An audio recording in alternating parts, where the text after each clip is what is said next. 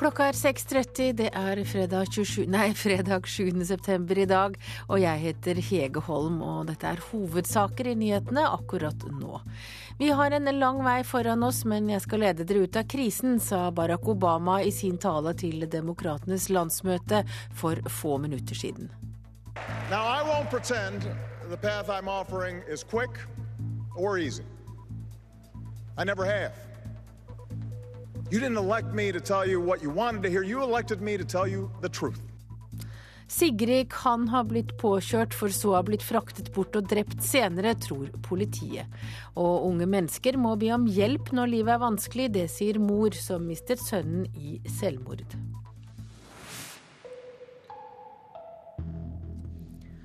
Ja, velkommen til Petos Nyhetsmorgen. Først skal vi til USA, for Barack Obama sa i nattens tale til Demokratenes landsmøte at han aldri lovet å løse USAs problemer raskt. Men han lover at problemene kan løses. Obama aksepterte Demokratenes nominasjon og startet med denne talen sin valgkamp. When you pick up that ballot to vote, you will face the clearest choice of any time in a generation. Det var en litt kjedelig tale for Obama å være, skriver kommentatorene i BBC og Wall Street Journal i dag. Sjøl om Obama prøvde å framstille valget mellom han og Mitt Romney som en episk kamp mellom det gode og det onde. A choice between two fundamentally different visions for the future. Ours is a fight to restore the values that built the largest middle class and the strongest economy the world has ever known. Obama advarte mot at de neste åra vil bli tøffe. Now, I won't pretend the path I'm offering is quick or easy. I never have. You didn't elect me to tell you what you wanted to hear. You elected me to tell you the truth. Men lover at han er mannen som vil få Amerika ut av det økonomiske uføret. But know this, America our problems can be solved, our challenges can be met. The path we offer may be harder, but it leads to a better place, and I'm asking you to choose that future. Wall Street Journal og New York Times tolker dette som ei bønn om mer tid for å revitalisere den amerikanske økonomien. Energy, education, national security, and the deficit. Men sjøl om Obama kom med grandiose økonomiske lovnader fra talerstolen, hadde han få konkrete tiltak å komme med. Mest handfast var kanskje utspillet om å rekruttere 10 000 nye mattelærere i løpet av ti år. And together, I promise you, we can out educate and outcompete any nation on earth. So help me. Help me recruit 100,000 math and science teachers within 10 years and improve early childhood education. Han glemte heller ikke å påpeke at det var under hans kommando at Osama bin Laden ble drepen, og sier at Al Qaida nå bare er en skugge av seg sjøl. A new tower rises above the New York skyline. Al Qaida is on the path to defeat, and Osama bin Laden is dead. Men selv om det var en litt bleikere Obama på talerstolen enn det amerikanerne er vant til, retorikken sitter fremdeles fjellstøtt. Han henvender seg til den enkelte. You can choose a future where we reduce our deficit, and now you have a choice. Og gjentok budskapen fra 2008 om hope and change. The first time I addressed this convention uh, in 2004, I was a younger man. A Senate candidate from Illinois who spoke about hope. Not blind optimism, not wishful thinking, but hope in the face of difficulty. Hope in the face of uncertainty. Ja, det er altså, altså USAs president Barack Obama. Reporter her var Roger Severin Bruland. Og vi skal til USA, til Jon Gelius, for du har nemlig fulgt talen fra salen på Demokratenes landsmøte. Og hvordan har den blitt mottatt? Ja, Det er jo ikke lenge siden Obama gikk av talerstolen. Eh, men her er forståsegpående. De snakker i hvert fall ikke om at det var noen eksepsjonelt god tale fra Obama. Eh, hvis du nok hører med vanlige folk, så vil nok de si at han var veldig direkte og personlig. Han brukte mange ganger begrepet 'only you', altså bare deg, og henvendte seg liksom direkte til eh, alle velgerne. Og han sa jo rett ut at han aldri har vært mer håpefull, nettopp pga. at velgerne støttet opp om han for fire år siden. han håper håper altså på gjenvalg. Han mener at sannheten er at det vil ta noen flere år å løse utfordringene som har bygget seg opp gjennom flere tiår. Eh, så optimismen mot den personlig rettede velgerappellen den var høyst til stede i eh, landsmøtesalen. Eh, og så kan du si at forståsegpåene de er mer lunkne i sine første kommentarer. Ja, Vi skal snakke mer med deg etter klokka sju, Jon Gelius, men nå skal vi til Kjell Magne Bondevik. Du er også i Nord-Carolina og har hørt talen. Og hva vil du si? Eh, Syns du også han var en litt blek utgave av seg selv? Det var nok ikke den beste talen eh, Obama har holdt, men eh, den var gjennomarbeid, og det var mye substans. Men de som greide virkelig å tenne landsmøteforsamlinga, det var først og fremst Bill Clinton i går kveld. Han er en stor retoriker og hadde samtidig også mye substans, innhold. Eh, og så var det visepresident Joe Biden som på en måte varma opp for Obama i kveld. Han, han talt, Biden talte jo stort sett om sin eh, venn og medarbeider president Obama. Han hadde et, et, et eh, kanskje enkelt tema å snakke om. Men han var den som virkelig tente forsamlinga. Men man sier jo at dette er en av de absolutt viktigste talene Barack Obama har holdt. Og når jeg hører på deg og Gelius, så høres det jo ikke helt ut som om han innfridde forventningene? Nei, men Hvordan dette virker uh, ute blant TV-seerne, er jo det som er avgjørende. Og Det kan godt hende at det der uh, hadde en god virkning. Det er klart, Obama i år i forhold til for fire år tilbake, da han skulle velges for første gang, er jo nå i en mer forsvarsposisjon. Nå må han forsvare uh, hva han har gjort i disse fire åra, vise til hva han har oppnådd. Og Der syns nok Obama og også andre under dette landsmøtet har vært flinke, selv om mange mener at arbeidsledigheten er urovekkende høy, og at økonomien ikke er så god som den kunne og burde ha vært, så har de likevel greid å vise at de har snudd en nedadgående trend når det gjelder økonomisk vekst og sysselsetting, og at det er på vei oppover igjen. Og de har spesielt trukket fram eh, den redningspakken gjennom eh, statlige lån som Obama gikk i spissen for til den store amerikanske bilindustrien. Det andre punktet de kjører veldig mye på, det er jo helsereformen og helseforsikring for eh, alle. I motsetning til republikanerne, som vil uh, avvikle det. Og Et tredje punkt er uttrekningen av amerikanske styrker i Irak, som jo er fullført, og uh, den som påbegynnes fra Afghanistan. Og Afghanistan presterte jo Mitt Romney overhodet ikke å nevne i sin tale for en uke siden, og det har tvert imot da demokraten Obama gjort til gagns, og skårer nok en del blant krigsveteraner på det.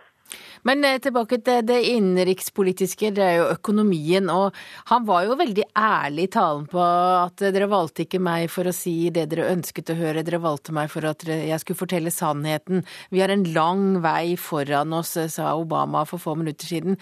Men er det sånn at ærlighet alltid varer lengst? Ja, Det er jo det han satser på, da. Og, og, jeg tror at det har appell til folk. Og det at han innrømmer at uh, problemene slettes ikke er løst, uh, det tror jeg han skårer på, for det, det ser jo amerikanerne med egne øyne. Uh, men samtidig klarer demokratene gjennom tall og belegg å vise at det har snudd, og at det går i riktig retning. Og det er jo det de appellerer nå til at amerikanerne må Eh, gi de støtte til å fortsette med. Eh, og Dette setter de selvsagt opp mot republikanernes politikk, som er skattelette til de med, med høye inntekter, og mindre satsing på jobbskaping i den offentlige sektor, i hvert fall. Eh, så jeg tror at selv med et litt vanskelig utgangspunkt, så kan demokratene vinne den debatten. Men eh, du nevnte, har allerede nevnt Bill Clinton i går, og han sjarmerte jo demokratene i senk, har vi lest. Eh, kom Obamas tale i dag litt i skyggen av forgjengeren? Ja, kanskje. Men eh, disse landsmøtene her i USA er jo så godt regissert eh, med virkemiddel utdeling av plakater, videopresentasjoner, bruk av familie og barn på en måte som en f.eks. aldri ville ha kunnet gjort i Norge, tror jeg, som gjør at stemninga blir likevel høy.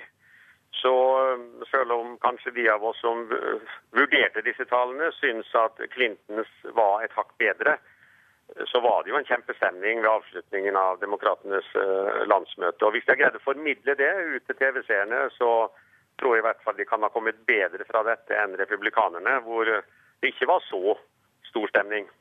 Takk til deg, tidligere statsminister Kjell Magne Bondevik, som altså er i Nord-Carolina og har hørt talen til Barack Obama. Da skal vi til Sigrid-saken, for Sigrid Skjetne kan ha blitt fraktet bort og drept etter at hun ble påkjørt. Det skal være en av teoriene politiet jobber ut fra i Sigrid-saken, skriver VG. Politiets hovedteori skal være at Sigrid Skjetne ble påkjørt av bilen til den drapssiktede 37-åringen mens hun var på vei hjem. Politiet tror imidlertid ikke at 16-åringen døde av skadene, men at hun ble fraktet bort og drept etterpå, ifølge VG. Det er fortsatt uklart hva 16-åringen døde av, men den foreløpige obduksjonsrapporten slår fast at Sigrid Skjetne fikk bruddskader som kan skyldes støt eller slag, skriver avisa. En av grunnene til at politiet skal tro mest på teorien om at hun har blitt drept senere, er at skadene på henne skal være større enn hun trolig ville fått om hun ville blitt påkjørt ved lav fart i et boligområde.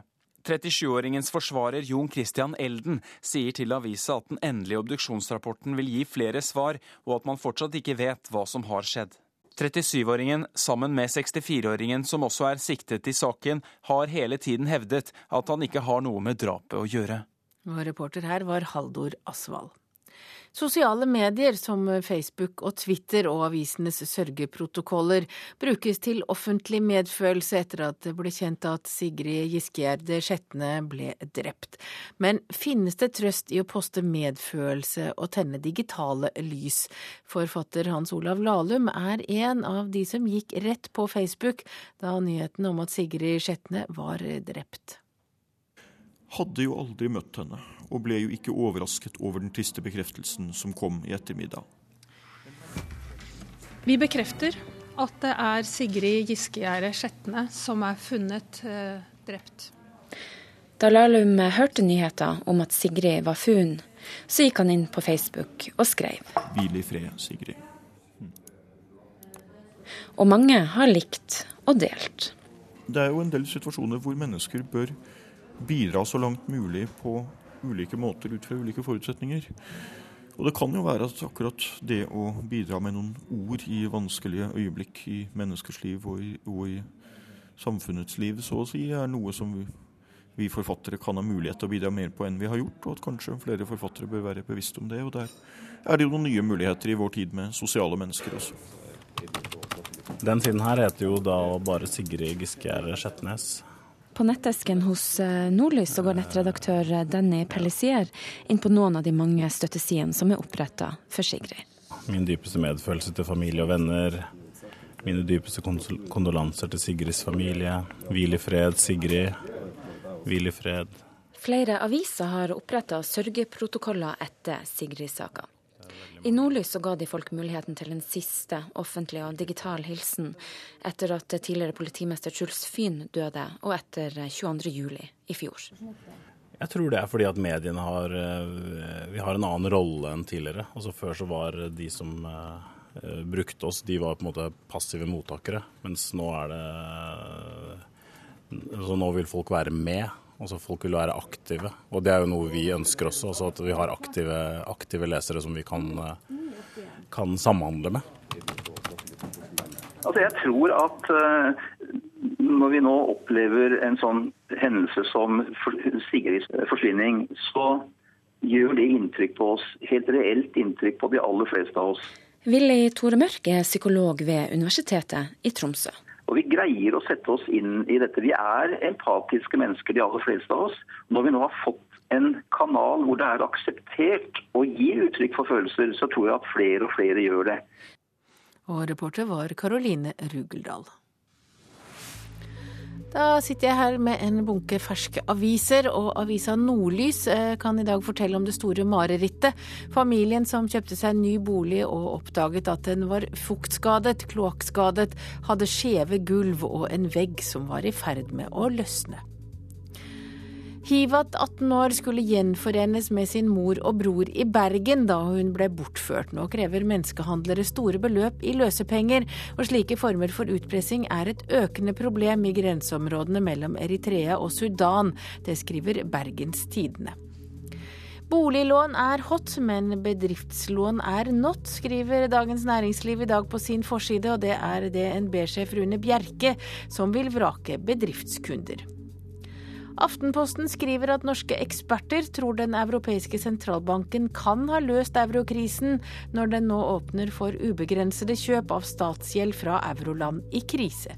Målet er å roe rentene og berge Spania og Italias økonomi.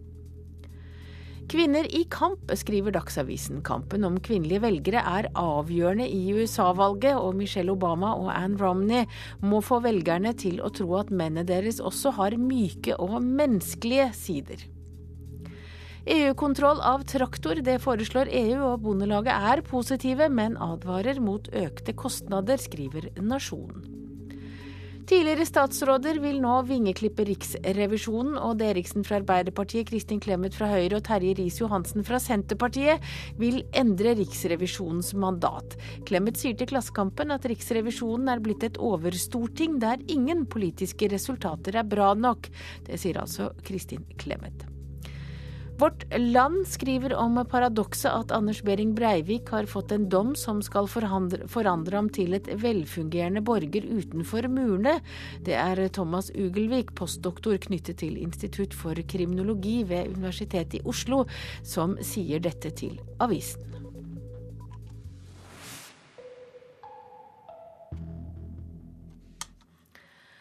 Og så skal vi til sporten, for Island har større innsatsvilje og bedre vinnermentalitet enn Norge, og derfor kan laget skape trøbbel i den første VM-kvalifiseringskampen i kveld. Det mener Islands kaptein Aron Einar Gunnarsson. Islendingene er dårligere på papiret, men har mer innsatsvilje enn nordmenn. It is matter of, of fact how you come into a game and uh, um, I think we do that well. Gunnarsson har stor tro på at islendingene vil gi mer enn sine norske motstandere i kampen i kveld, og vise en ekte krigerinnstilling overfor Norge. Just go for it and give it 100%, die hard, and, and that, that's, that's I think the main, main thing for us. Ja, så han, han har et godt poeng at Island kan vinne over oss på den måten der. Sier Jon Arne Riise, som har møtt Island flere ganger. Vi er også det laget som er veldig opptatt av å ha en vinnermentalitet og en krigers innstilling til hver kamp. så det blir en tøff duell i morgen. Det er en jevn kamp mellom to gode lag. og men Vi skal være godt forberedt på den krigerske innstillinga, for det skal vi jo ha. Haugesunds Alexander Søderlund har spilt for den islandske klubben Hafnarfjørdur, og kjenner mentaliteten på øya.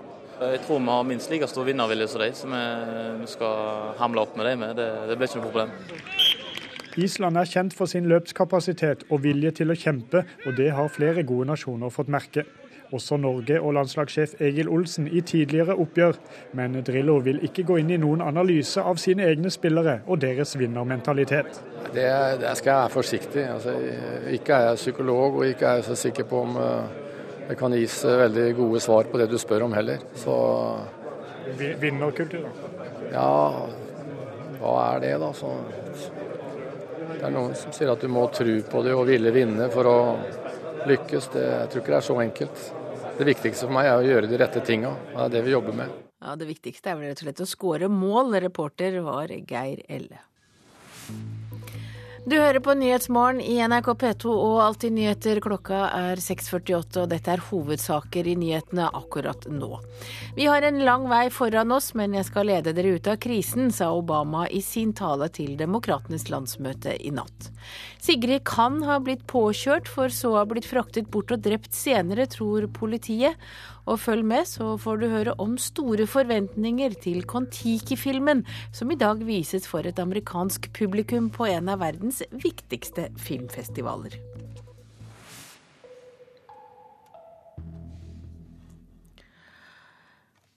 Det burde vært lovpålagt å levere fornyet politiattest hvert tredje år for å få lov til å jobbe med barn og unge.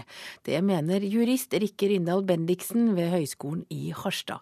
Hun får støtte fra regiondirektør Pål Christian Bergstrøm i Barne-, ungdoms- og familieetaten. Politidirektoratet mener dette blir for ressurskrevende.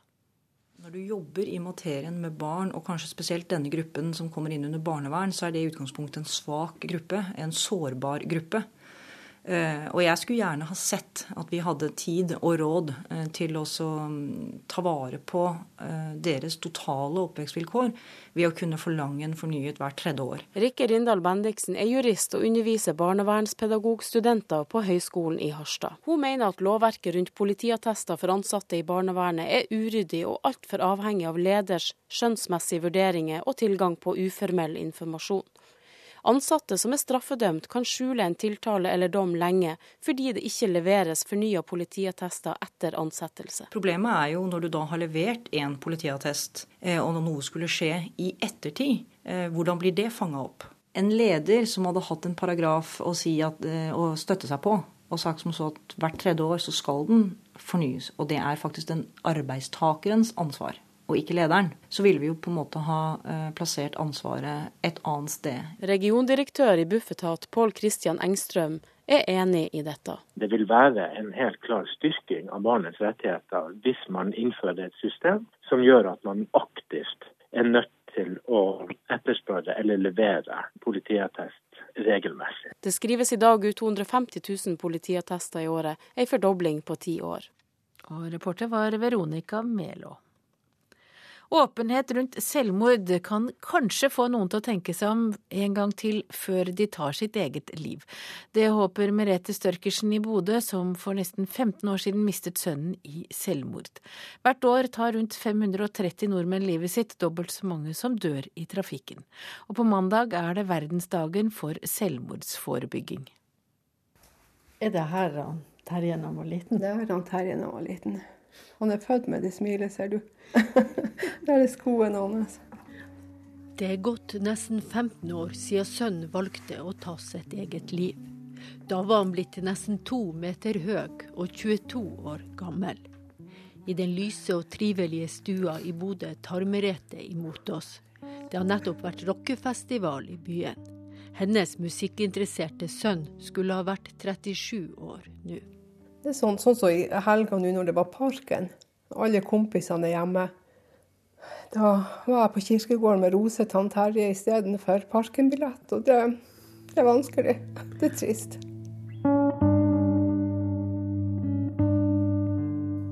Hadde du noe slags eh, forutanelse om det som skulle komme i, i 98? Nei, absolutt ikke i det hele tatt. Han Terje gikk tredjeåret på lærerskolen. Han var fotballtrener, han hadde venner i søkk og kav. Han var blid. Og han var blid og flott. Og jeg aldri tenkt Man var hos meg om kvelden klokka åtte om kvelden.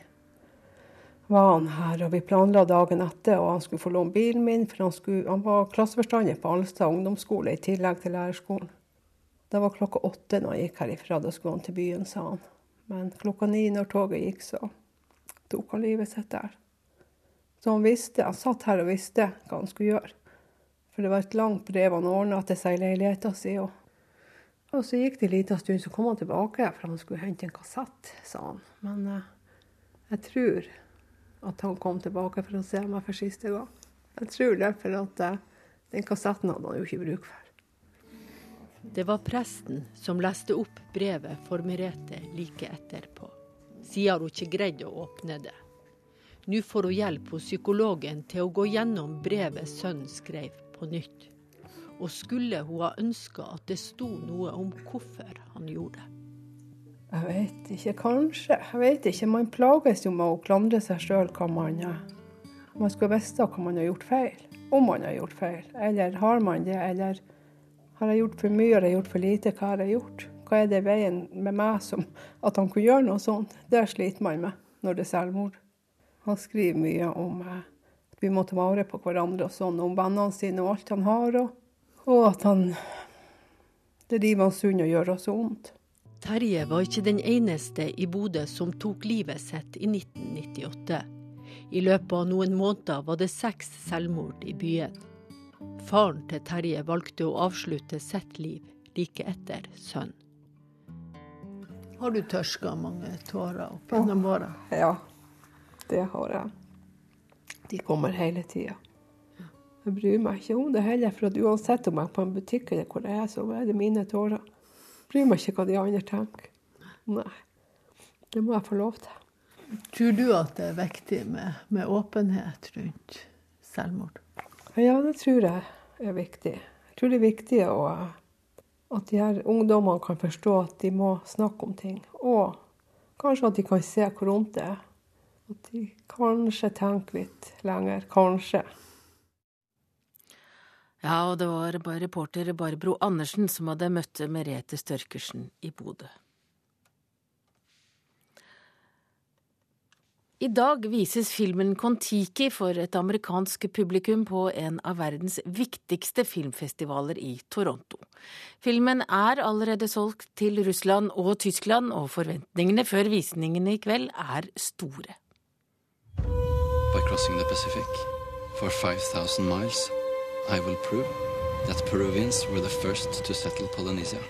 I kveld har filmen Kon-Tiki internasjonal premiere på filmfestivalen i Toronto. En av verdens viktigste filmfestivaler. Kon-Tiki går svært godt på norske kinoer, og filmen er allerede solgt til Tyskland og Russland. Forventningene før kveldens visning er høye, sier utenlandsansvarlig ved Norsk Filminstitutt Stine Oppegård på telefon fra Toronto. Det er internasjonalt kjent at filmen allerede har hatt premiere i Norge og er sett av over 400 000 mennesker. Så det kommer nok til å være veldig mange som er interessert i å gå på den visningen. I tillegg til selvfølgelig Kon-Tiki-ekspedisjonen er kjent internasjonalt. Så det er nok mange som er interessert i å se hvordan dette her blir filmatisert. Vi ser jo på dette som en stor film som kan være med på å trekke også andre norske filmer med seg. Jeg tror den har eh, ganske små sjanser til å gjøre det kommersielt veldig bra. Det sier filmanmelder i Adresseavisa Terje Eidsvåg. Han blir overrasket om Kon-Tiki blir en internasjonal suksess. Han mener det er lenge siden Thor Heyerdahl var kjent utenfor Norges grenser. Men filmen i seg, i seg selv eh, er nok verken god eller spektakulær nok, vil jeg mene, til at den, til at den eh, når helt frem i det internasjonale sjiktet av, av, type eventyrfilmer. Og, og, til den kjernegruppa som, eh, som, går mest på kino verden over, så, så tror jeg nok ikke Thor Herdal er noe særlig kjent i det hele tatt, egentlig. Det er ingen som kan redde oss der ute. Bortsett fra den teorien din. Da NRK møtte regissørene av filmen, Espen Sandberg og Joakim Rønning, under den norske filmfestivalen i Haugesund, mente de at filmen vil få drahjelp av at Thor Heyerdahl er kjent i utlandet. Det er en helt unik historie. Det er ikke så veldig mange andre filmer der ute som ligner på den. Vi merker det når vi er ute og reiser, og vi, film, vi har jo filmet i, i, seks forskjellige land. og Overalt hvor vi kommer, så har folk hørt om Thor Heyerdahl og hørt om Kon-Tiki, og det er påfallende. Reporter her var Eirin Venås Sivertsen. Da har vi kommet fram til værmeldinga, og det er et spesialvarsel for Trøndelag. For det ventes lokalt mye nedbør i, nedbør i Trøndelag, med unntak av indre strøk av Sør-Trøndelag. Lokalt kan det komme opp mot 60 millimeter nedbør i løpet av dagen. Og så er det et varsel som gjelder til midnatt. I fjellet i Sør-Norge ventes det vestlig kuling utsatte steder. I vestlige områder enkelte regn og sludd- og snøbyger over 1100 til 1300 meter. For øvrig får det meste opphold og perioder med sol. Østlandet og Aust-Agder og Telemark vestlig frisk bris utsatte steder. I ytre Oslofjord og liten kuling. Stort sett pent vær. Vest-Agder vestlig frisk bris utsatte steder. På kysten liten kuling, av og til stiv kuling omkring Lindesnes. Enkelte regnbyger i vestlige områder, ellers opphold og perioder med sol. Vestlandet sør for Stad vestlig frisk bris eller liten kuling, sørvestlig stiv kuling ved Stad. Enkelte regnbyger og perioder med sol. Møre, Romsdal og Trøndelag opp til vestlig, vestlig sterk kuling på kysten. Regnbyger og gløtt av sol og lokalt mye nedbør i Trøndelag. Helgeland og Saltfjellet sørvestlig frisk bris utsatte steder. Kan hende liten kuling lengst sør og regnbyger. Salten, Ofoten, Lofoten og Vesterålen. Enkelte regnbyger. Troms på kysten nord og nordvest bris. Enkelte regnbyger. Finnmark vestlig bris fra Hammerfest til Slettnes fyr. Perioder med liten kuling. Enkelte regnbyger ved kysten. Nordensjøland på Spitsbergen, langs kysten nordlig liten kuling, litt regn eller sludd. Og så er det temperaturer målt klokka fem. Svalbard to, Kirkenes fire, Vardø seks, Alta fire, Tromsø fem, Bodø seks, Brønnøysund sju, Trondheim ni, Molde ni, Bergen Flesland elleve, Stavanger ti, Kristiansand tolv, Gardermoen fire, Lillehammer tre, Røros null og Oslo-Blindern hadde fem grader klokka fem.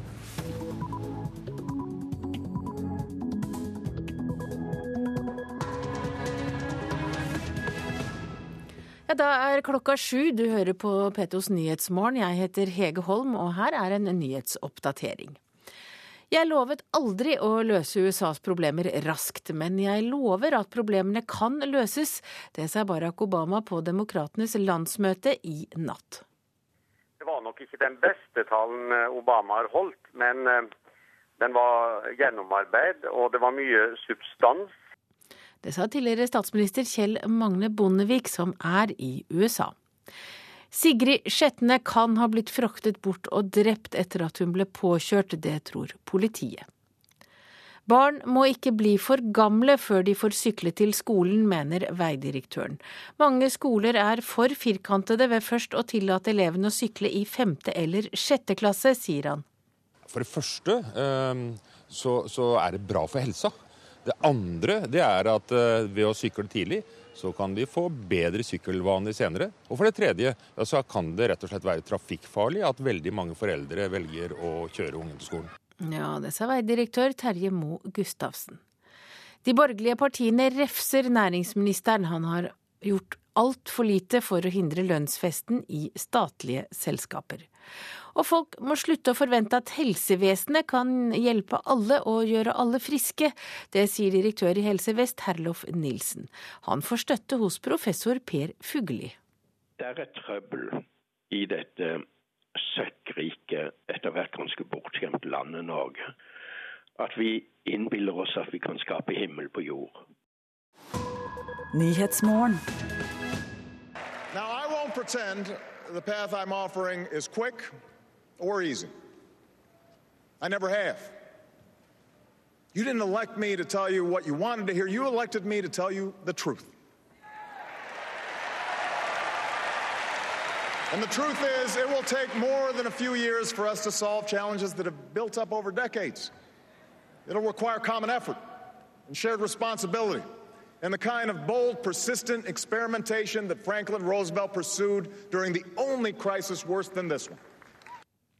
Ja, dere valgte meg ikke til å si det dere ønsket å høre, dere valgte meg til å fortelle dere sannheten. Vi har en lang vei foran oss, sa president Barack Obama da han talte under landsmøtet til demokratene i Nord-Carolina i natt. Dette blir kalt den viktigste talen til Obama i valgkampen, og korrespondent Jon Gelius, du er i Nord-Carolina, og du var der da han holdt talen og avsluttet den for få minutter siden. Ble du revet med av Barack Obamas retorikk? Han er jo en eminent taler, ingen skal ta fra han det. og det er klart at Når du står midt eh, nede blant eh, alle tilhørende, like ved scenen der eh, verdens mektigste mann får lov til å utfolde seg fra talerstolen, så blir man i hvert fall ikke upåvirket av å stå midt oppi en sånn eh, nesten ekstatisk stemning. Og Obama når jo fram med sin tale. Nå er det mange forståelsespåere som allerede har sagt at dette ikke var noen eksepsjonelt god tale. Men jeg må jo si at han, han, når jo fram. Og når du står og ser på de folkene Nå var jo dette hans egne, da. Det skal strekes under. Men, men så ser du at han når fram, og de, de rives med. Og nærbildene på TV-skjermene rundt meg viste folk som sto med tørre i øyekroken. Ja, hvordan er reaksjonene på talen etterpå? Det er jo ikke mer enn en times tid, halvannen time siden han gikk av talerstolen. Eh, men en del av de forståelsespående som allerede har vært ute og kommentert nå, mener at dette ikke var eh, noen eh, høydere fra Obama. Det var en blekere utgave av Obama. Man hadde skrudd forventningene skyhøyt på forhånd. Du må huske på I går sto altså ekspresident Bill Clinton på talerstolen og bergtok nærmest hele landsmøtet.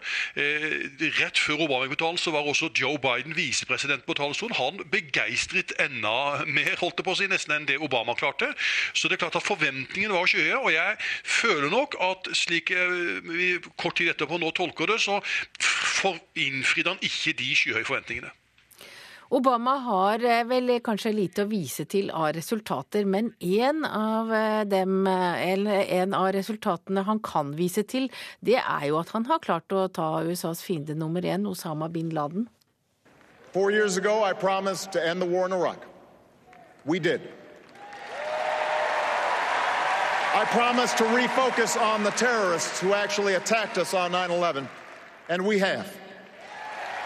We've blunted the Taliban's momentum in Afghanistan, and in 2014, our longest war will be over. A new tower rises above the New York skyline. Al Qaeda is on the path to defeat, and Osama bin Laden is dead. Vi hører altså her stor applaus når han nevner Osama bin Laden. Han snakket varmt om kampen mot terror, men Jon Gellius, hvordan ble dette mottatt? Ja, Dette løftet jo nesten taket blant partifellene. Og det er klart at Her prøver jo Obama å dyrke inntrykk av at han er commander in chief. Han er altså den rette til å lede USA. Og Det er klart at det viktigste han klarte å oppnå i den forrige perioden, var jo nettopp å utrydde fiende nummer én for USA. Også Joe Biden, visepresidenten, la vekt på dette i sin tale. Han, han, sa det på en annen måte. Han sa at Osama bin Laden er død, General Motors lever, eh, med henvisning til at eh, Obama er og redde den amerikanske bilindustrien. Det la også eh, Obama vekt på i sin tale. Men jeg syns nok de understrekte veldig tydelig hva de hadde klart å oppnå i forhold til den utenrikspolitiske dekningen, både med å avslutte kriger og ikke minst dette med Osama bin Laden. Og det gikk rett hjem, og kan også tolkes som et klart frieri til de mange veteranene som er der ute og som også skal stemme, og til de mange militære personellet som er ute i USA, og som også kanskje er usikre på hvem de skal satse på. Der prøvde altså Obama å dyrke stempelet som commander in chief. Takk til eh, deg, korrespondent i USA, Jon Gelius. Eh, her i studio har jeg med meg retoriker Kjell Terje Ringdal. Jeg får spørre deg om det samme. Ble du bergtatt av Obamas retorikk? Nei, jeg ble ikke det. Fordi dette var eh, altså en ærlig og neddempet tale til Obama å være. Og når jeg hørte at de skulle ha egentlig denne talen på et stadion med plass til 70 000 mennesker, så trodde jeg de la opp til de store ovasjonene og de store eh, følelsene. Eh, når de har flytta det inn med begrunnelse i været, så kan det også være at de endret strategi, eller hadde en strategi som handler om å framstå som store far eh, med et alvor eh, som skulle peke på veien framover uten å, uten å argumentere veldig sterkt og varmt for de fantastiske resultatene som kanskje ikke er oppnådd. Men han var ganske insisterende? Ja, eh, og det, det, interessante er jo at eh, denne ærligheten og denne nesten farsrollen og denne påpekningen av alvoret eh, og fellesskapet og den enkeltes betydning er veldig flott å se på og høre på. fordi altså, Det var nesten som om det skulle vært et slags Arbeiderpartimøte på Gjøvik. fordi her var det 'alle skal med', du har et ansvar', vi skal ikke la noen være igjen alene. Veien er den er smal og den er lang, men vi skal gå den sammen. Og vi skal sørge for at ingen blir etterlatt alene. Så Sånn sett så var, det, så var det en veldig tydelig tale som rolig pekte på at uh, her har vi fortsatt mye arbeid å gjøre, og at uh, min administrasjon er sannsynligvis den riktige å, uh, å bruke til å få til det. Han har jo noen vanvittig lange pauser. Ja.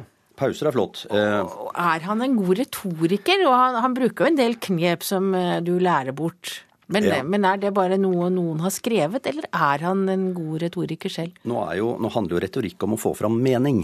Eh, og, og, måten å få fram mening på er å bruke noen grep. Så meningen ligger under.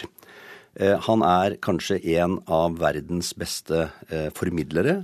Han har en stemme, han har en måte å snakke på, han har en trygghet som gjør at dette fungerer veldig godt. Eh, han eh, startet jo talen i dag med å alliere seg med sitt publikum, med å småprate litt. Ved å si at han egentlig hadde litt eh, dårlig tid. Han hadde mye å gjøre, ikke minst fordi barna skal på skolen i morgen. Og det er en måte å alliere seg med sitt publikum på som er veldig interessant. Og det er det han gjør gjennom hele talen. Han eh, identifiserer seg med sine velgere. Og han får fram det viktige poenget at eh, ingen kan her vente på noen løsninger. Vi må gjøre den sammen. Så her er også den store amerikanske fortellingen, det store narrativet om at hardt arbeid gir resultater, og det må vi gjøre sammen. Tror du at han treffer det publikum han skal treffe, nemlig de som ikke er helt sikre på hva de skal stemme? Nå bygger jo han opp en front hvor det er de rike og eh, de vanlige. Eh, det er jo en egentlig litt sånn drøy påstand, fordi eh, amerikanske valg ender som regel med sånn ca. 50-50, og 50% er ikke steinrike som Mitt Romney. Så sånn sett så, så, tror jeg nok han forsøker å finne den, den ekstra prosenten som identifiserer seg med det normale, med middelklassen, og med den måten å tenke Amerika på som, som da demokratene står for, og ikke republikanerne. Men det er klart, det er veldig mange, veldig mange som føler at republikanerne eh, er de som egentlig representerer deres drøm om at alle kan få det til. Takk til deg, retoriker Kjell Terje Ringdal. Sigrid Skjetne kan ha blitt fraktet bort og drept etter at hun ble påkjørt. Det skal være én av teoriene som politiet jobber ut fra i Sigrid-saken. Og reporter Haldor Asvald, eh, hva mer kan du si, hva mer har kommet fram i dag? Politiet tror at um, det var den drapssiktede 37-åringen som uh, kjørte på uh, Sigrid Skjetne mens hun var på vei hjem, uh, skriver VG. Og politiet tror imidlertid ikke at hun da døde av skadene, men at hun kan ha blitt fraktet bort og drept etterpå. Og en av grunnene til at de skal feste en del lit til denne teorien, som er en slags hovedteori, beskrives det som, er at eh, de skadene Sigrid Skjetne skal ha fått, eh, skal være større enn hun trolig ville fått hvis hun hadde blitt påkjørt ved relativt lav fart i et vanlig boligområde som dette er ved Østensjø ved Oslo. Men om dette stemmer, så er det fortsatt mange ubesvarte spørsmål. Eh, politiet vet ikke akkurat hvor hun ble påkjørt, eller nøyaktig når dette skjedde. Og hvis hun da ble drept senere, så er det heller ikke klart når, hvor eller hvordan dette skjedde. Og så er det jo også uklart hva slags rolle denne 64 år gamle kameraten til denne 37-åringen hadde i dette, som også er siktet i saken. Men hva sier, eller hva forklarer de to mennene som, som er siktet for drap? Begge nekter for at de har hatt noe med dette drapet å gjøre. Ingen av dem erkjenner straffskyld. Og når det gjelder denne konkrete teorien til politiet, så sier advokat Jon Christian Elden, som da forsvarer denne 37-åringen, at han advarer mot å trekke konklusjoner nå om hva som har eh, skjedd, og sier også at når dette analysearbeidet av denne obduksjonsrapporten om hvordan Skjetne døde, blir ferdig, så vil man få flere svar på det som eh, skjedde. Og 64-åringen sier også gjennom sin forsvarer at han stiller seg helt uforstående til eh, siktelsen, og at han da ikke har hatt noe med dette å gjøre. Hva skjer videre nå? De to drapssiktede mennene i denne saken sitter nå i, i, varetekt, og der skal de sitte i fire uker framover før denne saken da vurderes eh, på nytt. og Samtidig så etterforsker politiet dette videre. I går så var de inne i denne ene låven, et eh, lokale til 64-åringen, som han bruker som en slags, eller har brukt som en slags lagerlokale. Hvite krimteknikere gikk inn og ut og hentet ut svarte sekker med det de da mener kan være bevis i saken, så får vi se hvordan dette utvikler seg videre. Takk til reporter Haldor Asvald. Færre ungdommer bruker sykkelen til daglig, og det bekymrer veidirektør Terje Mo Gustavsen. Det skjer nemlig stadig færre ulykker på skoleveien, og veidirektøren synes mange skoler er for firkantede ved først å tillate elever å sykle til skolen i femte eller sjette klasse. Jeg tror det er for strengt på den måten at det er for likt. Bildet, trafikkbildet rundt skolene er veldig ulikt. Noen steder er det heldigvis veldig trygt, andre steder ikke fullt så trygt. Der det er tryggest, så mener jeg at man burde se på reglene og tillate yngre unger å sykle til skolen. Hvorfor er du så opptatt av det? For det første så, er det bra for helsa. Vi ser et problem fremover at unger sliter med fedme og kan få dårlig helse, kanskje seinere i hvert fall. Det andre det er at uh, ved å sykle tidlig, så kan de få bedre sykkelvaner senere. I dag ser vi en dramatisk nedgang i sykling blant ungdom, bl.a. Og for det tredje så kan det rett og slett være trafikkfarlig at veldig mange foreldre velger å kjøre ungen til skolen. Ullevål skole i Oslo er en av mange skoler med strenge sykkelregler. Det er nødvendig, mener rektor Hanne Grønn Larsen. Dette er et veldig uoversiktlig område hvor veldig mange mennesker parkerer. Så Derfor så velger vi å la de sykle fra med femte trinn når de har avlagt sykkelprøven, og så fortsette ut sjette og syvende trinn. Hvorfor starter dere ikke tidligere med det? Det er eh, tre ting. Det ene er en tradisjon, det andre er sikkerhet, og det tredje er at vi har ikke plass til å ha mer enn ca. 200 sykler. Hva er den viktigste begrunnelsen? Sikkerhet. Hva hvis uh, ungene sykler sammen med foreldrene? Da sier vi uh, i utgangspunktet nei. At, Hvorfor det? Jo, for vi syns de er for små til å sykle til skolen. Ja, reporter her var Kjartan Røslett, og vi har med oss generalsekretær Rune Jøs i Syklistenes Landsforening. Og vi hørte jo rektor her, som veldig mange andre rektorer også, at altså tredje- og fjerdeklassinger de var for unge til å sykle på skolen. Ikke engang sammen med mor og far. Hva tenker du om det? Eh, det her er ikke et uvanlig eksempel fra, fra norske skoler. og og, og, det er jo veldig mange sikkert gode intensjoner bak dette her. Eh, det løser jo ikke problemet, eh, ikke i det hele tatt. Og ja, Problemet altså at de blir kjørt på skolen? Problemet er jo at det er mye biler i nærmiljøet, og at det er en uoversiktlig trafikksituasjon. Ikke at det er mange som sykler. Altså, man, det løser jo ikke problemet å, å, forby at foreldre kan sykle til skolen med sine barn. Slik at uh, det her er jo egentlig et sykkelforbud da, for foreldre som ønsker å sykle med barna sine. Og, og det her er ikke uvanlig, et uvanlig eksempel ved at mange skoler stikker kjepper i hjulene for de som ønsker å sykle med sine barn til skolen. Burde det heller vært forbud mot å kjøre? Ja, hvorfor er det ikke det? Når synes du unger bør begynne å sykle til skolen? Det er veldig individuelt. Eh, barn er jo veldig forskjellig i utvikling og modning. Men eh, jo før, jo bedre, men da sammen med foreldre eller voksne i trygge omgivelser. Det vi vet, er at jo før barna begynner å sykle, jo bedre syklister blir de, jo sikrere trafikanter blir de. Ja, Vi har også med oss direktør i Trygg Trafikk, Kari Sandberg. Når syns dere ungene kan begynne å sykle til skolen? Mm, generelt så anbefaler Trygg Trafikk at barn skal sykle til skolen mellom 10 og 12 års alder. Og det henger jo sammen med eh, Og det betyr klassetrinn? Det betyr fra femte trinn. Uh, og det henger jo sammen med motoriske ferdigheter og det trafikkbildet og den gang- og sykkelvei- eller skoleveissituasjonen som uh, det enkelte barn har. Men når det er sagt, så ønsker jo vi selvfølgelig at barn skal sykle og gå i størst mulig grad. Og uh, jeg må si at vi er litt skeptisk til at skolen skulle nekte foreldre som ønsker å sette av tid til å være i trafikken sammen med barna sine, og lære de, som det sies her, god trafikantatferd og, og, og en trafikksikker måte å ferdes på, det, det høres for meg litt rart ut. Men um, hvis, men hvis, elever viser at de har ferdigheter som gjør at de kan sykle når de går i tredje-fjerde klasse, og de har gjennomført sykkelprøve, hvorfor skulle ikke det være nok? Altså, det handler jo mye om infrastrukturen. Eh, vi har et eh, gang- og sykkelveinett i Norge som er veldig dårlig i forhold til andre, andre, land vi kan sammenligne oss med. Og der hvor det er gang- og sykkelveier, så er det ofte veldig dårlig vedlikehold. Sånn at man allikevel velger å sykle i veibanen.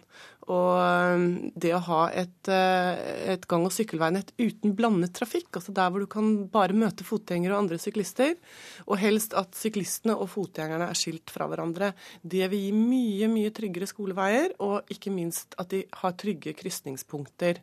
Og Der har vi tidligere også sagt at begynn med de farligste kryssene, og ikke bare lene seg tilbake og si at det vil bli altfor kostbart. Sikre soner rundt skolene på henholdsvis 2 og 4 kilometer, altså i henhold til skyssgrensene. Det bør være et uh, krav. Barn har plikt til å gå på skole. Det bør følges av et krav av en trygg skolevei. Men jøss, har vi for dårlige sykkelstier og sykkelveier til at barn bør sykle alene når de er under 10-12 år? Altså, Sykkelveinettet i Norge er dårlig, men det har faktisk vært satset veldig mye på, på trygge skoleveier og, og nærmiljøene rundt skolene. Så at hvis foreldre ønsker å sykle med sine barn, så er det jo de som må gjøre den trafikale vurderingen. En rektor kan ikke ha en vurdering over den trafikale situasjonen for alle barna på skolen. Det er foreldrene som bør vite best. Hvis foreldre ønsker å ta seg tid til å sykle sammen med sine barn til og fra skolen, så bør de få lov til det. Men du ønsker ikke å senke aldersgrensa generelt? Det kan være en vurdering fra skole til skole òg. Eh, noen skoler har jo fjerde klasse, andre skoler har femte klasse, noen skoler har til og med sjette klasse hvor de gjennomfører sykkelprøve. Altså Barn bør begynne å sykle så tidlig som mulig. Og hvis barn har foreldre som ønsker å sykle med dem, så bør jo disse foreldrene få lov til å gjøre det. Altså Skolene burde jo stå og heie på de foreldrene som sykler med barna til og fra skolen. Altså Aktive barn lærer jo bedre. og, og det er jo det vi ønsker alle sammen. Og da innføre et sånt generelt forbud om at foreldre som sykler med barn som ikke har tatt sykkelprøven, ja, hva ønsker man da? At de skal bli kjørt? Nå har vi ingen her som forsvarer eh, det rektoren sa her, men, eh, men eh, Kari Sandberg, hvis man skulle forby kjøring til skolen, ville det gjøre situasjonen enklere for syklistene? Vi har jo ikke gått ut og foreslått at man skal forby det, men vi har vært veldig tydelige på at foreldre bør stoppe hvis man ikke kan følge. Det er masse fine følgeordninger til skolen i dag, kjempegod, hvor det er flere grupper som går sammen med en forelder. Men eh, hvis man da ikke kan eh, følge de at det er for langt, så har vi sagt stopp ett eller to kvartaler før skolen, og så gå de siste fem minuttene med barna til skolen. Sånn at de får lære litt om å ferdes i trafikken. Og sykkel er det første kjøretøyet. Det at man får gode vaner i forhold til hjelmbruk, eh, skjønner litt hvor farlig det er, at du kan komme opp i høy fart. Det er jo kjempefin grunnutdanning før de skal begynne å ta førerkort, og, og vips er de 16 år. Og hvis de da ikke har hatt dette med seg fra de er ganske unge, så, så blir det en kjempeutfordring. Og vi vet at ungdom sykler mye mindre enn de gjorde før. Jøss, dere tar det opp med kunnskapsminister Kristin Halvorsen. Hva skal dere oppnå? Altså, Vi ønsker jo at eh, skolene skal være mye mer aktive, at skolene skal informere, tilrettelegge og informere. Sånn som jeg sa i sted, Skolene burde jo heie på foreldrene som ønsker å sykle. Burde jo heie på de barna som syns det er gøy å sykle. Men da sier vi heia alle barn som liker å sykle. Takk for at dere kom. Takk. Klokka er 15 minutter over sju. Du hører på Petos Nyhetsmorgen. Jeg heter Hege Holm, og dette er hovedsaker akkurat nå. Bill Clinton talte bedre i går natt enn Barack Obama gjorde nå i natt. Det mener flere som har hørt begge talene. Sigrid kan ha blitt påkjørt og deretter fraktet bort og drept, tror politiet. Og følg oss videre, sykehusene kan ikke hjelpe absolutt alle som mener de trenger hjelp. Det sier direktør i Helse Vest.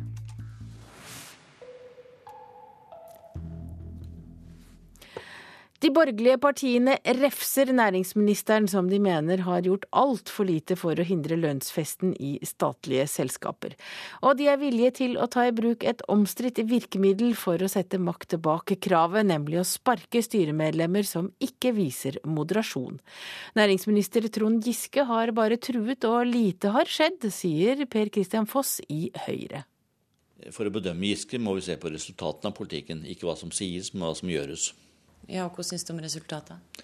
Hittil har resultatene uteblitt. Statlige lederlønninger øker mer enn andre lederlønninger i samfunnet. Lønnsveksten for ledere i statseide selskap har vært ei hovedpine for den rød-grønne regjeringa. Næringsminister Trond Giske har erkjent problemet. Vi er på, på helt ville veier når lederne har eh, årlige lønnspåslag som langt overstiger det vanlige folk tjener i løpet av et år. Han har mana til moderasjon og kalla inn til møter, men lønnsfesten har likevel fortsatt. Innsatsen til næringsminister Giske på dette området er veldig slett. Sier KrF-leder Knut Arild Hareide. Han har kalla inn på teppet, men han har ikke gjort noe. Han har en teoretisk forståelse av problemet, men han makter altså ikke gjøre noen handlinger. Og det er handlinger vi forventer på dette området her. Det kan være aktuelt å etablere en sak i kontrollkomiteen og innkalle statsråd Giske til en ny høring. For det er viktig at når man forsikrer Stortinget om moderasjon og tilbakeholdenhet i lønnsutvikling, at det også gjøres, ikke bare sies. Trond Giske har truga med å sparke styremedlemmer som ikke viser moderasjon. Høyre har tidligere vært mot å bruke et slikt verkemiddel. Ikke nå lenger, sier Per Kristian Foss. Hvis dialog med selskapenes styrer ikke virker, da er utskiftning av styrer det virkemidlet man har. Som også ei Høyre-regjering vil være beredt til å bruke? Det vil jeg tro. Foss får støtte både fra partiet Venstre og fra KrF-lederen. Vi kommer til å være tøffere på dette området. Vi mener det er uakseptabelt at lederlønninger skal øke mange flere ganger enn det de gjør for vanlige folk. Høyre sier at det er aktuelt å, å kaste styremedlemmer. Hva tenker KrF om det virkemidlet? KrF mener at de som sitter i styret, og som aksepterer for høye lederlønninger, på tross av statens instrukser, de bør få sparken fra styret. Og Trond Giske var ikke tilgjengelig for kommentar i går. Reporter her var Astrid Randen. Ungarns statsminister Viktor Urban takker nei til å låne penger fra Det internasjonale pengefondet IMF og EU. På sin Facebook-side sier Urban at ingen av betingelsene for å låne 15 milliarder euro tjener Ungarns interesser. Urban sier bl.a. at Ungarn ikke kan akseptere å kutte pensjoner, og at regjeringen vil presentere et forslag til nye forhandlinger med IMF og EU. Det melder BBC. Flere tidligere statsråder mener at riksrevisor Jørgen Kosmo skaper vansker for statsråder som vil utrette noe politisk. Nå vil de strippe Riksrevisjonen for makt. Riksrevisjonen er blitt et overstorting der ingen politiske resultater er bra nok. Resultatet blir at politikernes ambisjoner drives nedover, sier Høyres tidligere utdanningsminister Kristin Clemet til Klassekampen. SVs tidligere statsråd Erik Solheim har tidligere kritisert kontroll kontrollhysteriet i norsk politikk, og får nå full støtte fra tidligere ministre som kritiserer riksrevisor Jørgen Kosmo. Folk må slutte å forvente at helsevesenet kan hjelpe alle og gjøre alle friske. Det sier direktør i Helse Vest, Herlof Nilsen. Forventningene folk har til helsevesenet øker mye raskere enn det sykehusene klarer å tilpasse seg. Nilsen sier sykehusene ikke kan hjelpe absolutt alle som mener de trenger hjelp. Det vi ser er at eh, både det medisinsk mulige og forventningene stiger mye brattere enn det som vi er i stand til å kunne tilpasse oss. Direktøren for landets nær største helseforetak er uroa over at folk har blitt stadig mer kravstore. Nå mener Herlof Nilsen at folk må innse at sykehusene ikke kan hjelpe alle til enhver tid. Ja, og vi er nå kommet der. Og vi ser det for så vidt eh, når det gjelder ulike typer eh, kreftmedisin f.eks. Så vi ser at det, er vanskelig å henge med på denne biten. Og vårt løp på dette er at vi ser det vil være problem å få stadig fulgt opp med mer penger. Vi er så bare rike i dag at vi skulle ha råd til å bruke litt mer på sykehuset. Det, det som blir gjort. På Nordfjordeid stresser folk gjennom regntunge gater. Forventningene til helsevesenet vokser stadig her til lands, og mange liker dårlig tanken på at sykehusene ikke nødvendigvis skal kunne gi all mulig hjelp. Ja, nei, det, det er helt pyton. Det går ikke an. Nei, Det er noe veldig dumt hvis folk må gå rundt og være syke og ikke få behandling. Og hva hvis det er noe veldig alvorlig og at det utvikler seg og blir veldig galt, liksom. Hva skjer da? Men direktørene i Helse Vest får også støtte. Professor i samfunnsmedisin Per Fugelli mener vi er blitt altfor kravstore til helsevesenet. Det er et trøbbel i dette søkkrike, etter hvert ganske bortskjemte landet Norge at vi innbiller oss at vi kan skape himmel på jord. Og vi må rett og slett tåle å finne oss i at av og til er det ventelister, av og til kommer vi ikke til på dagen. Av og til er det rett og slett sånn i en samfunnseid helsetjeneste som skal fordele ressurser rettferdig, at den enkelte må finne seg ikke å få den aller siste, dyreste medisinen i verden i morgen. Dette må vi tåle. Stadig bedre medisiner og behandlingsformer gjør at flere av oss kan bli friske. Men Nilsen mener helsebudsjettene ikke kan vokse i samme takt som de siste åra. Det vil føre til tøffere prioriteringer i framtida. Ja, og dette er jo en, en vanskelig diskusjon. Eh, både knyttet opp til prioritering av pasienter. Hvem skal bli tatt først, og hvem skal stå på bånn på lista. Hva type medisiner kan vi på mange måter ta inn? Hva er dokumenterte resultat? Og det er klart at økonomien setter begrensninger, det er til å være tydelig på. Samtidig så tror jeg at når vi får jobbe videre nå med å utvikle tjenesten, så skal vi klare å løse kolossalt mye innenfor de rammene vi har. Men det er jo ikke til å skjul på at økonomien setter begrensninger. Men Fugelli mener også at helsevesenet sjølve har mye av skylda for det mange kaller ei forventningskrise. Det er jo på mange måter legene og medisinene og den farmasøytiske industri og helsetjenesten selv som kanskje har markedsført seg litt for sterkt og sagt kom til oss, så skal vi beskytte dere mot all fare. Så jeg tror det er veldig viktig at medisinen, helsetjenesten, blir mye ærligere. Bare innen Helse Vest er budsjettet nå 21 milliarder kroner.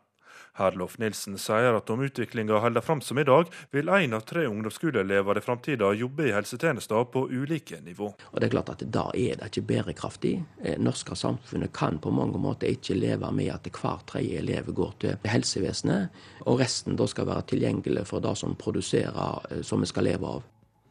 Og reporter her var Asgeir Reksnes. Og øyeblikkelig er det Dagsnytt. Der får du siste nytt om eh, Sigrid-drapet. Etter Dagsnytt skal vi til det sentrale asiatiske landet Kirgistan, som har gått fra krise til krise. Politiske kvarter, der handler det bl.a. om lederlønninger i dag. Og produsent for Nyhetsmorgen er Ulf Tannesfjell. Jeg heter Hege Holm.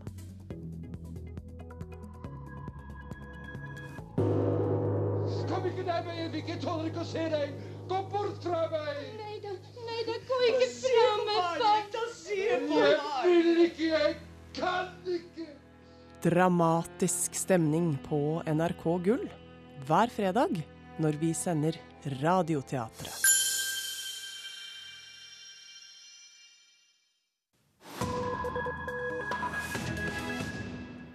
Og Petos Nyhetsmorgen fortsetter idet klokka har passert ti minutter over halv åtte.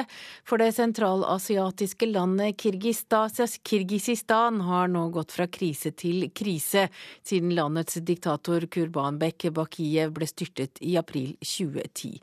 Med en ny grunnlov har landet gjennomgått en stormfull overgang til nytt demokrati. Et demokrati som ble tatt på store prøver da det brøt ut etniske opptøyer i Sør-Kirgisistan. Onsdag fikk landet en ny regjering etter nok en politisk krise, denne gangen pga. en hest.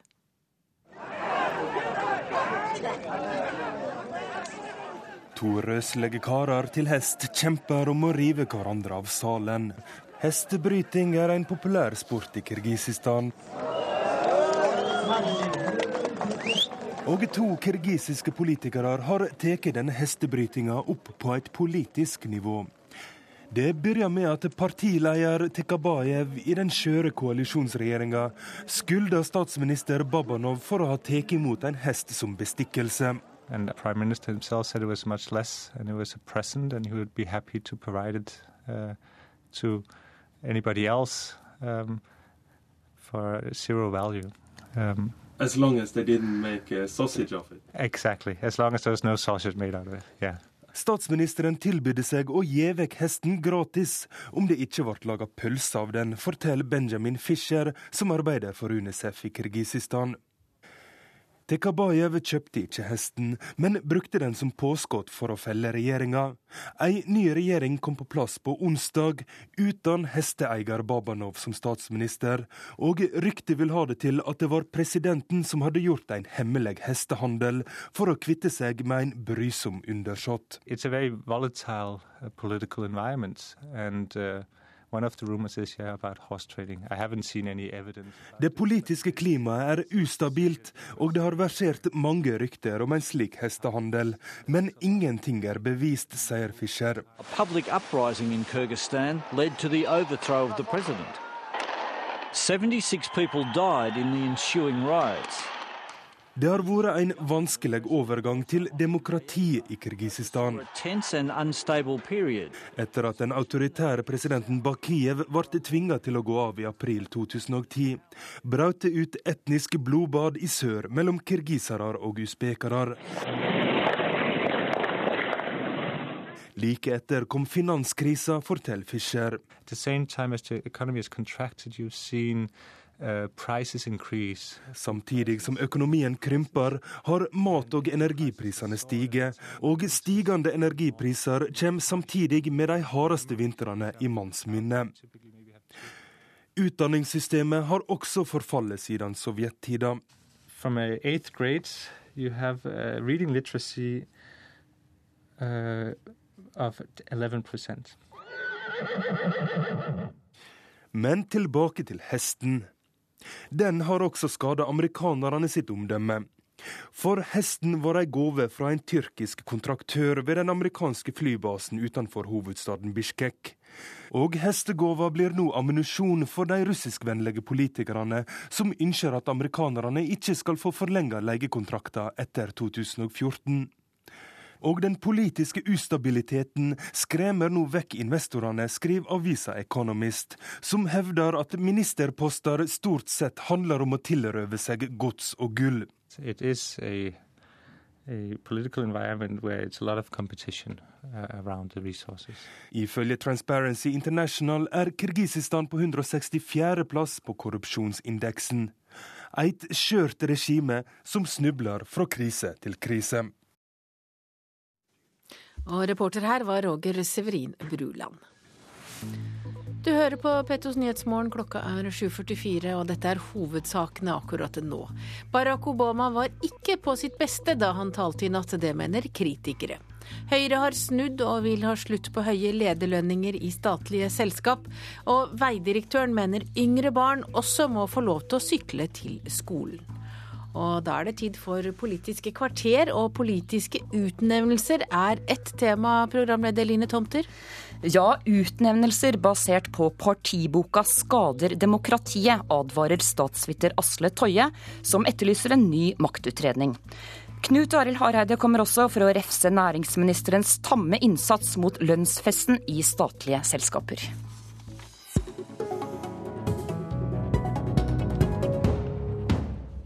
Høyre og KrF refser næringsministeren for at han ikke stopper lønnsfesten for ledere i statlige selskaper. De sier seg nå villige til å sparke styremedlemmer som ikke viser moderasjon. Knut Arild Hareide, leder i KrF, du er med oss fra studio i Kristiansand. Hvor er det næringsministeren har feilet? Ja, Næringsminister Trond Giske sier at vi innenfor dette temaet er på ville veier. Og det er jeg helt enig med næringsminister Trond Giske i. Hvis vi altså da ser, så er de største statlige selskapene har jo ikke bare nærma seg et lønnsnivå på topplederne rundt 10 millioner, men de har oversteget 10 millioners-grensa. Så ser vi òg utviklingen, og det er utviklingen jeg er først og fremst opptatt av. Vi ser at i vårt største statlige selskap Eh, der har altså øken fra 2007 fram til i dag på topplederen vært på over 50 eh, i noen mindre statlige selskap så ser vi at bare fra ett år til et annet, så har topplederen økt lønna si med over 60 ja. Det er jo to eksempel, men, men det viktigste er at snitta så har altså toppledere innenfor de statlige selskapene økt lønna si tre ganger mer enn for vanlige folk. Og Statlige selskap er lønnsledende, og da syns jeg det er for dårlig at næringsministeren ikke får gjort noe med den utviklingen. Ja, Næringsminister Trond Giske han var ikke å få tak i, men vi har med oss nestleder i Frp, Ketil Solvik-Olsen. Hvorfor er ikke du like ivrig som Hareide på å sparke styreledere i statlige selskaper, selv når de har problemer med å vise moderasjon? La meg først presisere at jeg ikke er her som stand-in for Trond Giske. Han får rydde opp i sitt eget rod. Men jeg, jeg, maner til litt eh, forsiktighet når det gjelder å begynne med heksejakt hver gang det er en, en, statlig, eh, en toppleder i en statlig selskap som får godt betalt. Fordi at eh, Skal du ha gode ledere, så vet vi at det er et marked der ute der selskapene går etter de flinke folkene. og Det betyr av og til at du byr opp lønningene. Så jeg er helt enig i at uh, det er en del lønnsnivå her som virker helt urimelig høyt. Uh, så jeg vil ikke forsvare det. Men jobben til en eier er i hovedsak å velge gode styrefolk. For at det er styret som gjør den daglige driften. Og Der virker det som at dagens regjering har brukt mer tid på å plukke partifolk enn å plukke folk som er profesjonelt gode som styreledere. Når de da ikke har gjort noe med lederlønningene, selv om Trond Giske har snakket mye om det ute i media, så virker jo det at så framstår det som at jo, de snakker mye ute i media, men de gjør faktisk ikke den jobben overfor styret. Så her har det vært en dobbeltkommunikasjon fra regjeringens side. Så på langt på vei så er jeg enig i kritikken som kommer fra Knut Arild Hareide. Men vi skal altså se at det å hele veien gå etter ledere i næringslivet, når vi vet at kulturpersonligheter, idrettsfolk, får minst like godt betalt. Forvalterne til oljefondet får veldig godt betalt, altså mange millioner kroner. Da syns jeg at det er, en, det er en tendens i Norge til at vi hele veien skal ta næringslivsfolk, mens andre folk har vel så godt lønnsnivå av og til. Men nå har vi hørt om lederlønninger opp i mente fra rød-grønne politikere. Hareide, er det ikke litt fantasiløst av Høyre og KrF å synge den samme visa som Arbeiderpartiet og SV? Nei, fordi det, dette vi slår fast her, er at eh, vi er enige om at denne utviklingen ikke er god. Og jeg syns jo bare at Trond Giskes ord stiller meg helt bak. Han sier vi er på helt ville veier på dette området her. Og da er det viktig at eh, når vi er enige om at utviklingen er gal, så må det få konsekvenser. Og det er jo noe næringslivsfolk er nettopp opptatt av. De er opptatt av, og jeg kommer sjøl fra næringslivet, eh, og jeg vet jo det at nettopp næringslivet er opptatt av hvis ting går i en utvikling som ikke er riktig, da må ting få konsekvenser. Det er et viktig prinsipp innenfor næringslivet. Men på dette området her så skal det også ikke få konsekvenser. Og Det som jeg reagerer på med de statlige selskapene, ikke minst når vi ser da de siste to-tre årene, er jo at de statlige selskapene har vært lønnsledende. Ja, altså de private næringslivet har vist en større moderasjon enn nettopp de statlige selskapene på lønnsutviklingsområdet. Men nå hørte vi i Dagsnytt i morges at Per Christian Foss han ønsker å kalle inn næringsministeren til kontroll- og konstitusjonskomiteen for å svare på hvorfor han ikke har klart å stoppe lønnsfesten. Eh, Ketil Solvik-Olsen, syns du det er en god idé å kalle inn næringsministeren? Ja, jeg syns det er mer relevant enn å hele veien gå til styremedlemmene. Fordi at styremedlemmene gjør det de får beskjed om fra ledelsen. Og hvis de ikke gjør det, så er det jo naturlig at en bytter de ut. Men da har jo òg de som utnevnte styremedlemmene i utgangspunktet gjort en dårlig jobb. Når du ikke plukker folk som er gode nok og profesjonelle nok til at de faktisk gjør det eieren vil. Men jeg tror at i denne saken her så handler det om at Arbeiderpartiet overfor sine styremedlemmer ikke gir de signalene som de gir inntrykk av ut i media. Eh, Arbeiderpartiet har et behov for å kommunisere til LO eh, at de er strenge med, styre, eller med lederlønninger, men de ser at de må betale det det koster. Det har de jo òg praktisert når det gjelder sitt eget byråkrati. Det har jo vært mange saker i det siste der vi ser at toppbyråkratene til Arbeiderpartiet kjenner veldig godt. Og, og, Da er det naturlig at det er Giske som må stå til ansvar, fordi det er han som dobbeltkommuniserer og ikke gjør det som han gir inntrykk av. Hareide, syns du det er en god idé å kalle inn eh, Giske til kontroll- og konstitu konstitusjonskomiteen? Det syns jeg i utgangspunktet er en god idé, fordi det er viktig at det er samsvar mellom det Trond Giske sier på det, dette området. Han har vært meget tydelig i signalene, men jeg ser altså ingen endring i utviklingen. Eh, og det er et naturlig spørsmål for Stortinget eh, å se på. Eh, så må nok jeg si det at regjeringa utnevner da personer til styrene, og de har òg gitt tydelige signal gjennom sin statlige eierskapspolitikk og de retningslinjene de har lagt der. Og da syns jeg det òg hviler et betydelig ansvar på de personene som har fått en tillit fra staten, og følge opp det som er statens eh, retningslinjer. Eh, og Derfor så er jo det Trond Giske han har altså hatt krisemøte etter krisemøte med de som da sitter i de statlige selskapene.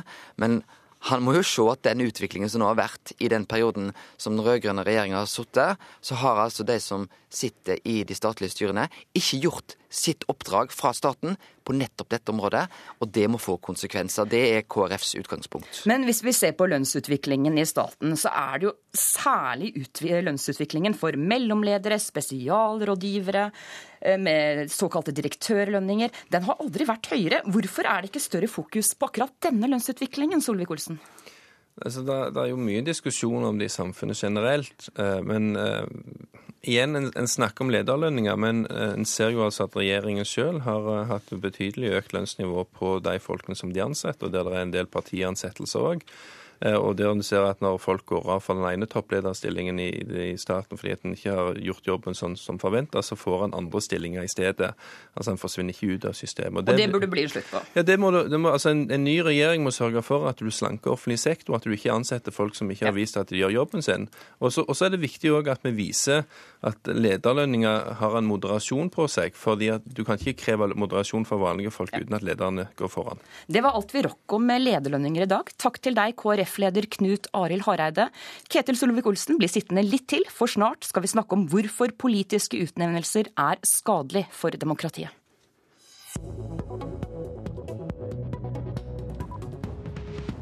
Asle Toje, forsker ved Institutt for statsvitenskap ved Universitetet i Oslo. Hvorfor er det problematisk med tette bånd mellom Norges politiske ledelse og landets toppbyråkrater? Det som er sikkert, er at vi har hatt anklager om politisering i lang tid, spesielt knyttet til Arbeiderpartiet. Eh, hva som er nytt, er i saken rundt Øystein Mæland, politidirektøren. Når disse anklagene kom, så sluttet et samlet kommentatorkorps seg til disse påstandene, til tross for at regjeringen avviste at, dette, at Øystein Mælands rolle som politidirektør var resultat av en politisk uh, utpekelse, så mente alle andre stort sett at det var det. Og med dette så det, skapes det et inntrykk av at norsk offentlig administrasjon er i ferd med å bli politisert, og det er skadelig. Eh, regjeringen har så langt, eh, langt, avfeid eh, alle påstander om at dette har vært partiutnevnelser. Hva, hvor, impon, hvor, imponert er, er, du over den reaksjonen som har kommet fra bl.a. Arbeiderpartiet når disse påstandene om partiutnevnelser kommer? Dette er en veldig krass anklage. Jeg tror at lytterne kanskje ikke er klar over hvor alvorlig dette er. Politisering er ekstremt fordervende for et demokrati. Det vil si at deler av befolkningen kan komme til å miste tilliten til offentlig administrasjon. Eh, og på, på, grunn av dette så er det noe som alle eh, partier eh, ville motsette seg hvis de har vært ute og gjort dette. Hva som, er, hva som er nytt, er at disse anklagene kommer nå stadig hyppigere, og det er på tide at vi kommer til bunns i sannhetsgehalten i disse anklagene. Hva frykter du ved et eventuelt regjeringsskifte, når da disse som kanskje er politisk utnevnt, skal sitte og håndtere saker for en ny regjering? Ja, Det finnes to typer for, eh, for politisering. Eh, og Fra Storbritannia og USA så kjenner vi åpen politisering, der man, regjeringen åpent erkjenner at dette er deres støttespillere som de planter ut i, i byråkratiet. Den type politisering som det hevdes at forekommer i Norge, er mye mer fordervende. Det er såkalt skjult politisering, der makthaverne plasserer sine politiske støttespillere ut i byråkratiet uten å vedkjenne seg at det er tilfellet. Og der kommer vi til det poenget du, stiller, du påpeker. Men i tilfelle åpen politisering så er det jo relativt greit. Når regjeringen går av, så tar de med seg sine støttespillere. De går også av. Men i skjult politisering så kan disse støttespillerne vil disse støttespillerne bli sittende fast i byråkratiet og kan da agere som partisaner, politiske partisaner som bekjemper regjeringen, hindrer regjeringen i å oppnå sine politiske målsetninger. Og dette kan føre til ytterligere politisering. Det kan føre til at en, en regjering ikke nøyer seg med bare å, å, forsøke å isolere de personene man antar at er politisk utpekte, men også at man aktivt går inn og setter inn sine egne støttespillere, som da igjen neste regjering arver. Dette, denne prosessen kan, eh, kan, skape lag på lag med politiske utnevnelser. Hvor galt dette kan eh, ende, kjenner vi fra eksempler fra Nederland og Østerrike. I Nederland på 1990-tallet så gikk dette så langt at store deler av befolkningen mistet tillit til statsmakten. Og det er et demokratisk problem. Det er ganske kjedelig for de av oss som ikke har noe partibok i lomma, da. Det er det. Og eh, en ting som jeg kan si Jeg vil ikke uttale meg, jeg vil ikke konkludere på om hvorvidt norsk offentlig forvaltning er i ferd med å politiseres. Jeg bare registrerer at det har kommet sterke anklager om det. Men det jeg kan si, er at det har blitt stadig vanligere at nye eh, toppbyråkrater flydroppes inn i departementene. De kommer ofte inn fra venstre. Ofte har de begrenset kunnskap eh, om det saksfeltet de skal styre over, slik som var tilfellet med politidirektøren. Eh, og dette kan også bidra til å demoralisere byråkratiet og offentlig forvaltning. Ja, Det var jo ganske tett forhold der. Han hadde jo vært forlover. Kommet, når den type anklager har kommet, så har, har, man ofte svart at Norge er et så lite land med sine fem millioner innbyggere at det er uunngåelig at man gir eh, stillinger i toppbyråkratiet til forlovere og venners koner og den type ting. Derfor er det viktig at vi kommer til bunns i dette. Eh, hva, hva er det du anbefaler en eventuelt eh, ny regjering å gjøre for å finne ut om dette er et reelt problem for demokratiet vårt? Nå må vi huske at eh, vi er alle nordmenn, vi er alle på samme side her. Vi har alle det samme demokratiet. Det er i alles interesse at vi kommer til bunns i hvorvidt vår offentlige administrasjon er i ferd med å, å politiseres. Vi er alle enige om at det er fordervende for vårt folkestyre. Hvis, eh, og Den beste måten å komme til bunns i dette på, er gjennom å iverksette en ny maktutredning. Og vi må huske, som den gamle historiker Jens Arup Seip sa, det er i maktens natur å skjule seg. Ja, du hørte altså Asle Toje, som mener det er helt nødvendig med en ny maktutredning etter mange påstander den siste tiden om at regjeringen lar partiboka gå foran kvalifikasjoner. Ingen i Arbeiderpartiet ønsket å komme hit i dag for å diskutere hvorvidt partipolitiske utnevnelser er skadelig for demokratiet vårt. Men Ketil Solvik-Olsen, eh, kan du love oss at det blir færre partipolitiske utnevnelser hvis Frp kommer i regjering? Min påstand er ja, rett og slett fordi at vi har sittet fra Stortingets side i mange mange år og sett på dette. Det er åpenbart problematisk. Eh, og Da tror jeg at vi er blitt mer bevisst på det nettopp fordi at vi har sittet og sett på det og irritert oss over det, enn når Arbeiderpartiet sitter midt inne i det og utnytter det og syns dette gagner seg sjøl. Det er viktig for demokratiet at byråkratiet støtter opp om den til enhver tid sittende statsråd. Og statsråder, uansett hvilket parti de kommer fra, må vite at byråkratiet jobber eh, profesjonelt på sakene, og ikke at det sitter folk med skjulte agenda. Det vil være svært uheldig. Men Bondevik-regjeringen oppførte seg jo ganske likt da de satt i posisjon? Det var òg partiutnevnelser der, men jeg tror de fleste kommentatorene har sagt at det skjer i mye større grad i Arbeiderpartiet enn det en har sett historisk, og det er problemet. Takk for at du kom, Ketil Solvik-Olsen. Politisk kvarter fredag er over. I studio satt Line Tomter.